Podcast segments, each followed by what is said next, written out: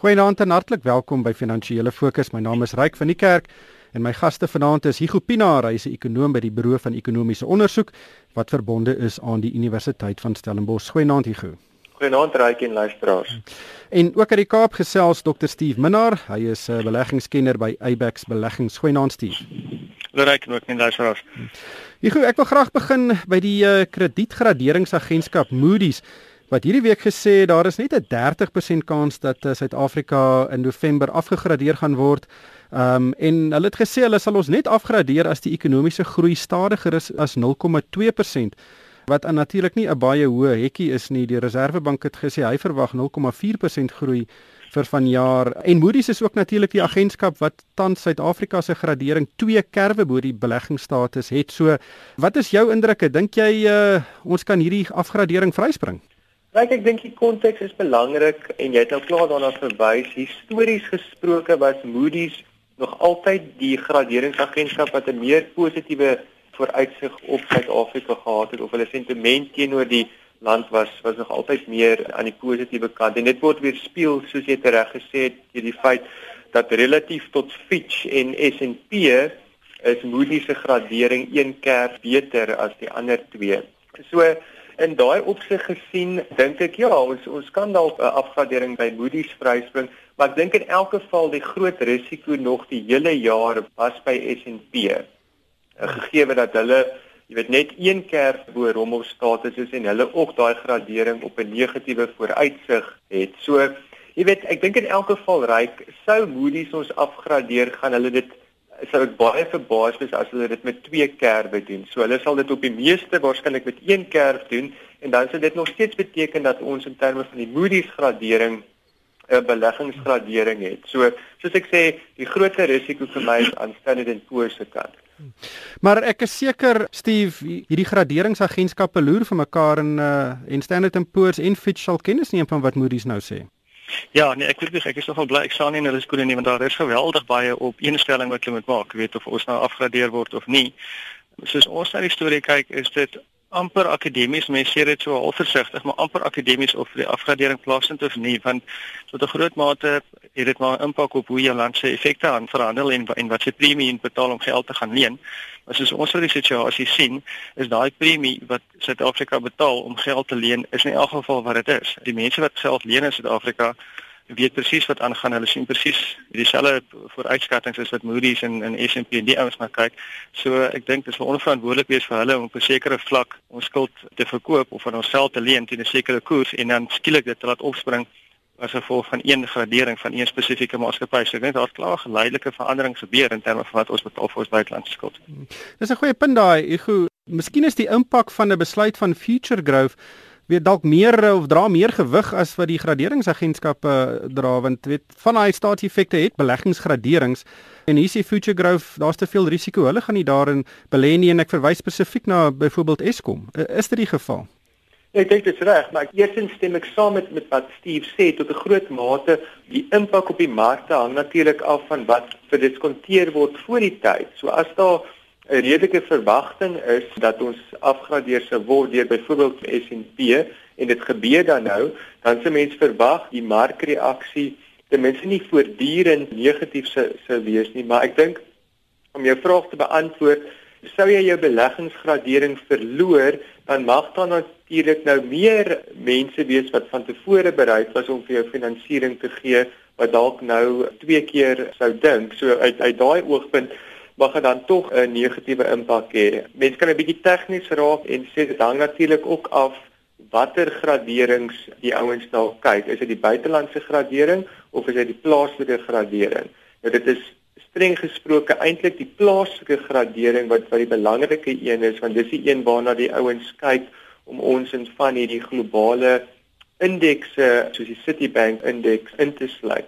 Nou daai gradering uit 'n S&P oogpunt is ook ek dink twee twee kerwe nog bo rommel status maar nietemin so jy weet die ding raak 'n bietjie gekompliseer dit hang nie net af van of hulle ons afgradeer dit hang ook af spesifiek watter gradering hulle nou kyk. Hmm.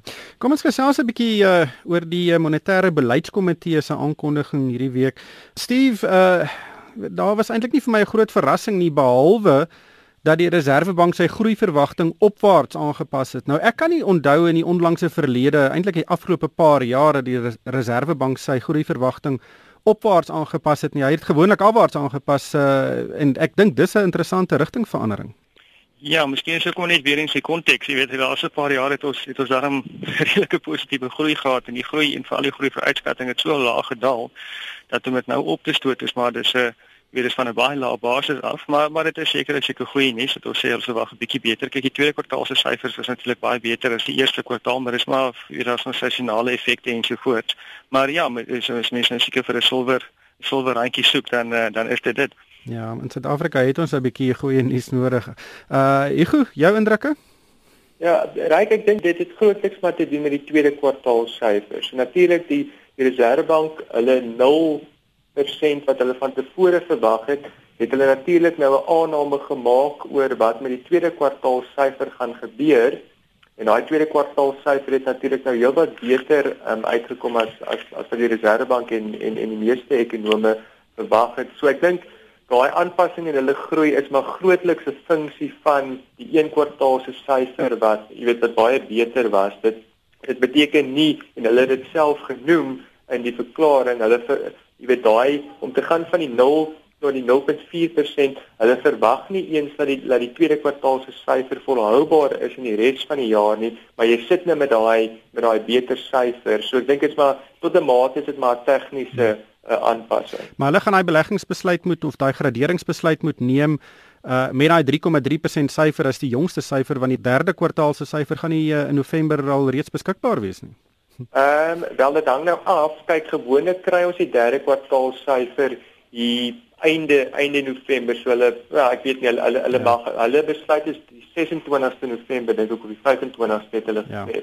So ons mag al die die BBP syfer al het. Maar ek ek moet vir jou sê, ehm um, ek uh, ek koop nie noodwendig die storie nie. Jy weet of of die ekonomie teen 0% groei of 0.4 of 0.5, dit is streng gesproke dieselfde storie. So so Moody's gaan nie hulle besluit baseer op 'n 0 of 'n 0.2 of 'n 0.4% syfer nie. Hulle gaan eerder kyk in my opinie, is daar in die volgende 6 maande, ons het die mini begroting wat kom uit Oktober, is daar enige maatreëls wat aangekondig word wat vir Moody's sê mediumtermyn groei in Suid-Afrika. Daar word goed gedoen om daai groeikoers oor die langer termyn na hoër vlakte te vat. Ek dink, soos ek sê, uit my opinie is dit baie belangriker as as wat die groeikoers vir jaar gaan wees want ons weet die groeikoers vir jaar gaan vrot wees. Dit is maar net 'n mate van hoe vrot. Ja, miskien ooranaliseer ons dit en hulle gaan nie besluite neem op desimale op die groeikoers nie. Ek dink jy is 100% reg. Ons gesels oor die rentekoers besluit. Steve, almal het gedink kan Jago gaan die rentekoers onveranderd laat wat hy inderdaad gedoen het. Maar uh, interessant genoeg in omtrent die heel laaste sin van sy uh perskonferensie toespraak het hy gesê ons is dalk aan die bokant van die rentekoers siklus. Ek vermoed ons gaan nog vir baie lank stabiele rentekoerse sien of of geen verandering sien in die huidige repo koers nie, maar die volgende verandering kan dalk afwaarts wees. Dis interessant. Ja, nee, dit was nogal interessant, want jy sien, jy weet, as, as jy dink hulle beleid in die eerste plek is om inflasie on, in toom te hou en ek dink as 'n hele paar van die ehm um, aanwysings waar hulle gekyk het of of dat eh uh, wat hulle wys dat die inflasie vir die stadium nie besig is om verder weg te hardloop nie. Ehm um, ek dink ons het die laaste tyd nog al eintlik 'n paar hele goeie aankondigings gesien van groot maatskappye wat met Unies onderhandel het op baie meer van 'n woordelike salarisverhogings as wat ons vorige paar jaar gesien het. So hooplik kan ons hierdie inflasie ding bietjie in toom hou. En as dit die geval is, dan is daar is daar mos nou nie mos nou geen rede om verdere rentekoersverhogings te sit nie. En uh, ja, as mense nou weer optimisties wees, sien miskien kan daar nog so verlaging wat kom. Hmm. Hier Ja nee, ek sê staan, ek ek dink ehm um, net om om dalk te kwalifiseer, ehm um, die ander ding wat die Reservebank gesê het is dat die hekkie vir 'n uh, koersverlaging nogal 'n hoë ene is.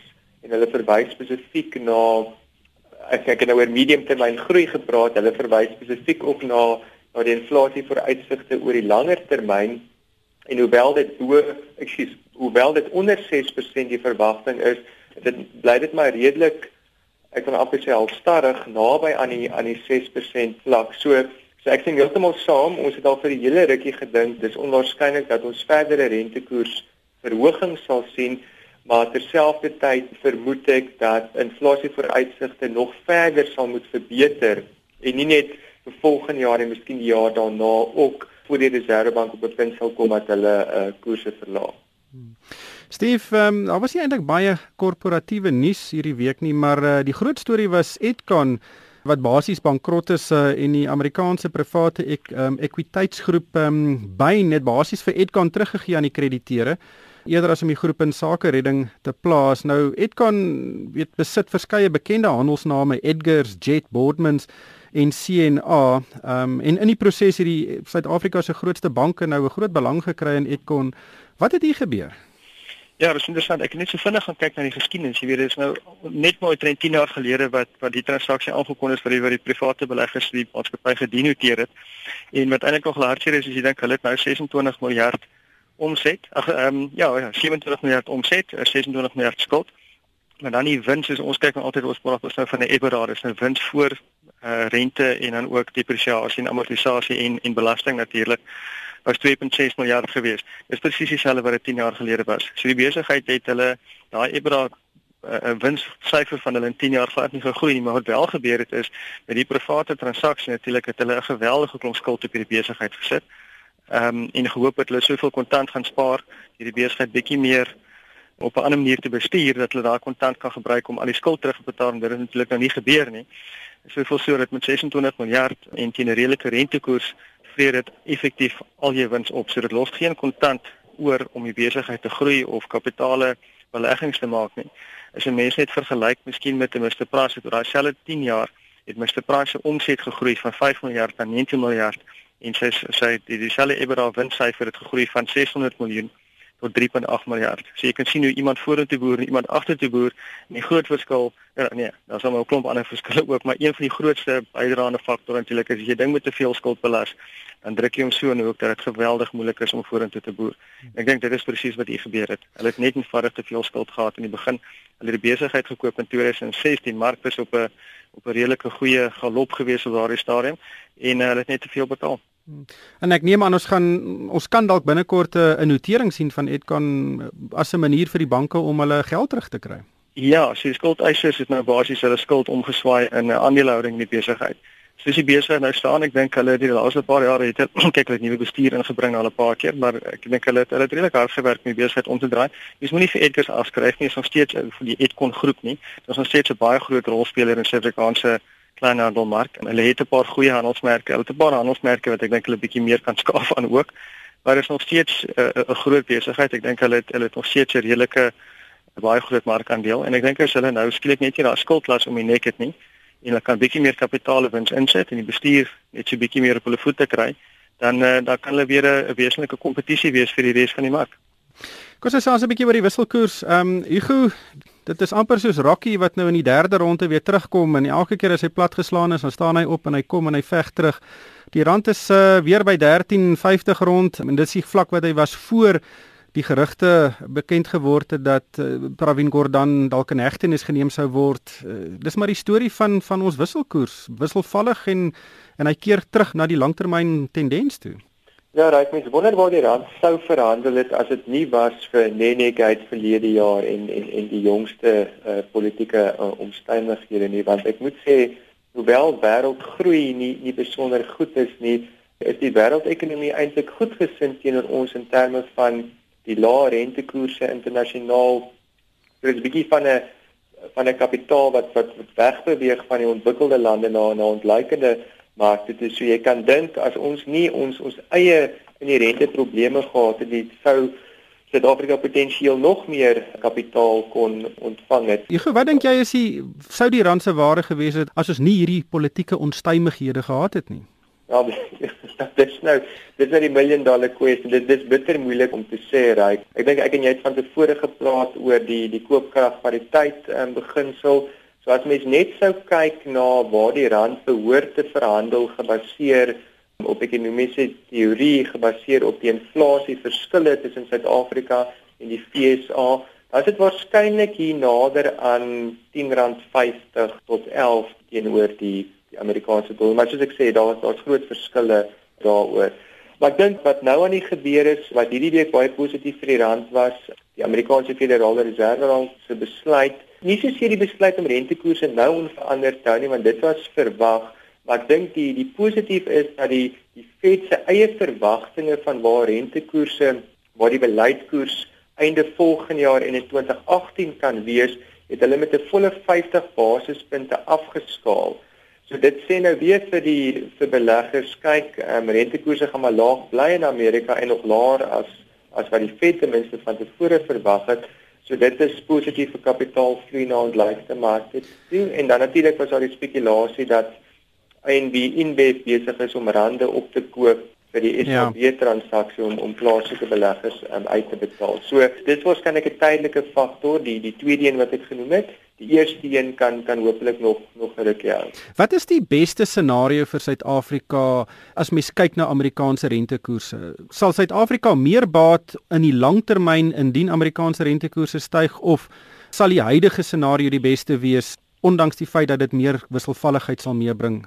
Kyk ek dink hoe hoekom sal Amerika rentekoerse begin verhoog? Hulle sal dit begin verhoog wel, daar is nou twee redes. Die een kan wees dat inflasie vinniger styg as as wat die Fed verwag, dan is dit 'n negatiewe rede om om rentekoerse te verhoog. Maar as dit 'n geval is dat dat hulle begin koerse normaliseer, dit styg omdat die ekonomie is in 'n beter posisie is, Jy weet dan dan kan jy sê wel dit die die agtergrond waar teenkoerse verhoog word is eintlik 'n 'n goeie 'n goeie teken. So uit daai oogpunt behoort dit dan nie 'n uh, te wesentlike negatiewe impak op op Suid-Afrika te hê nie, maar ek dink dit dit gaan maar daaroor die tempo waarteen dit gedoen word. As dit 'n redelike matige tempo soos wat algemeen nou verwag word, dan weer eens behoort dit nie 'n 'n wesentlike impak um, te hê nie, maar op die marge beteken dit tog dat jy weet die die sogenaamde yield play of die opbrengs die relatiewe opbrengs op beleggings in Suid-Afrika en Amerika raak dan nou minder in ons guns. Ja. Uit daai oogpunt, ehm um, jy weet, is dit 'n negatiewe faktor. Steve het laastens uh, die mark die afgelope 2 weke taamlik bloedneus ge gekry, maar laat in hierdie week wat verby is, het hy dan bietjie sy kop opgetel. Wat is jou indrukke? Ja, nee, ek ek dink dit is maar alles weet teen met in 'n agtergrond van 'n wêreldekonomie wat mense nie kan besluit watter rigting beweeg nie of die Amerikaners met rentekoerse opsit of nie. Ehm um, en ook in ander lande wat almal op op op zero of negatiewe koerse sit, word ons mark maar heen en weer geskommel. En natuurlik soos jy net reg gepraat het rondom die hele wisselkoers het 'n groot impak. Jy weet Suid-Afrika as jy mens kyk die die Johannesburg effekte beurs maatskappye wat daar genoteer is, omtrent 60% van hulle winste kom buite Suid-Afrika. Dit mense besef nie eintlik altyd hoe internasionaal ons genoteerde maatskappye is nie.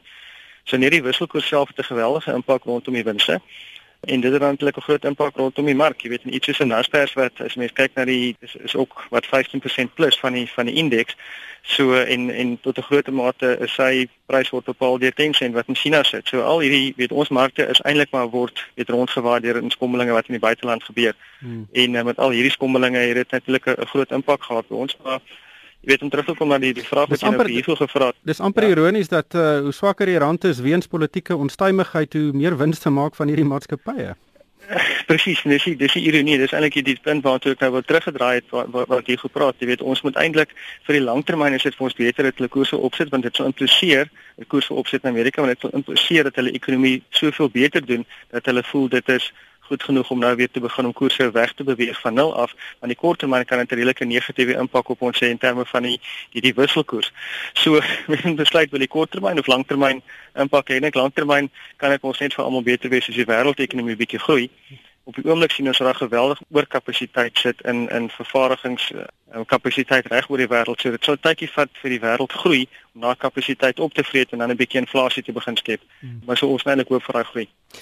Ongelukkig uh, hierdie tyd ons ingehaal. Baie dankie aan die Gopinaar van die Buro van Ekonomiese Onderzoek wat verbonde is aan die Universiteit van Stellenbosch en Dr. Steve Minnar van Eyebax Beleggings en van my ryk van die kerk. Dankie vir die saamluister en ek koop almal het 'n winsgewende week.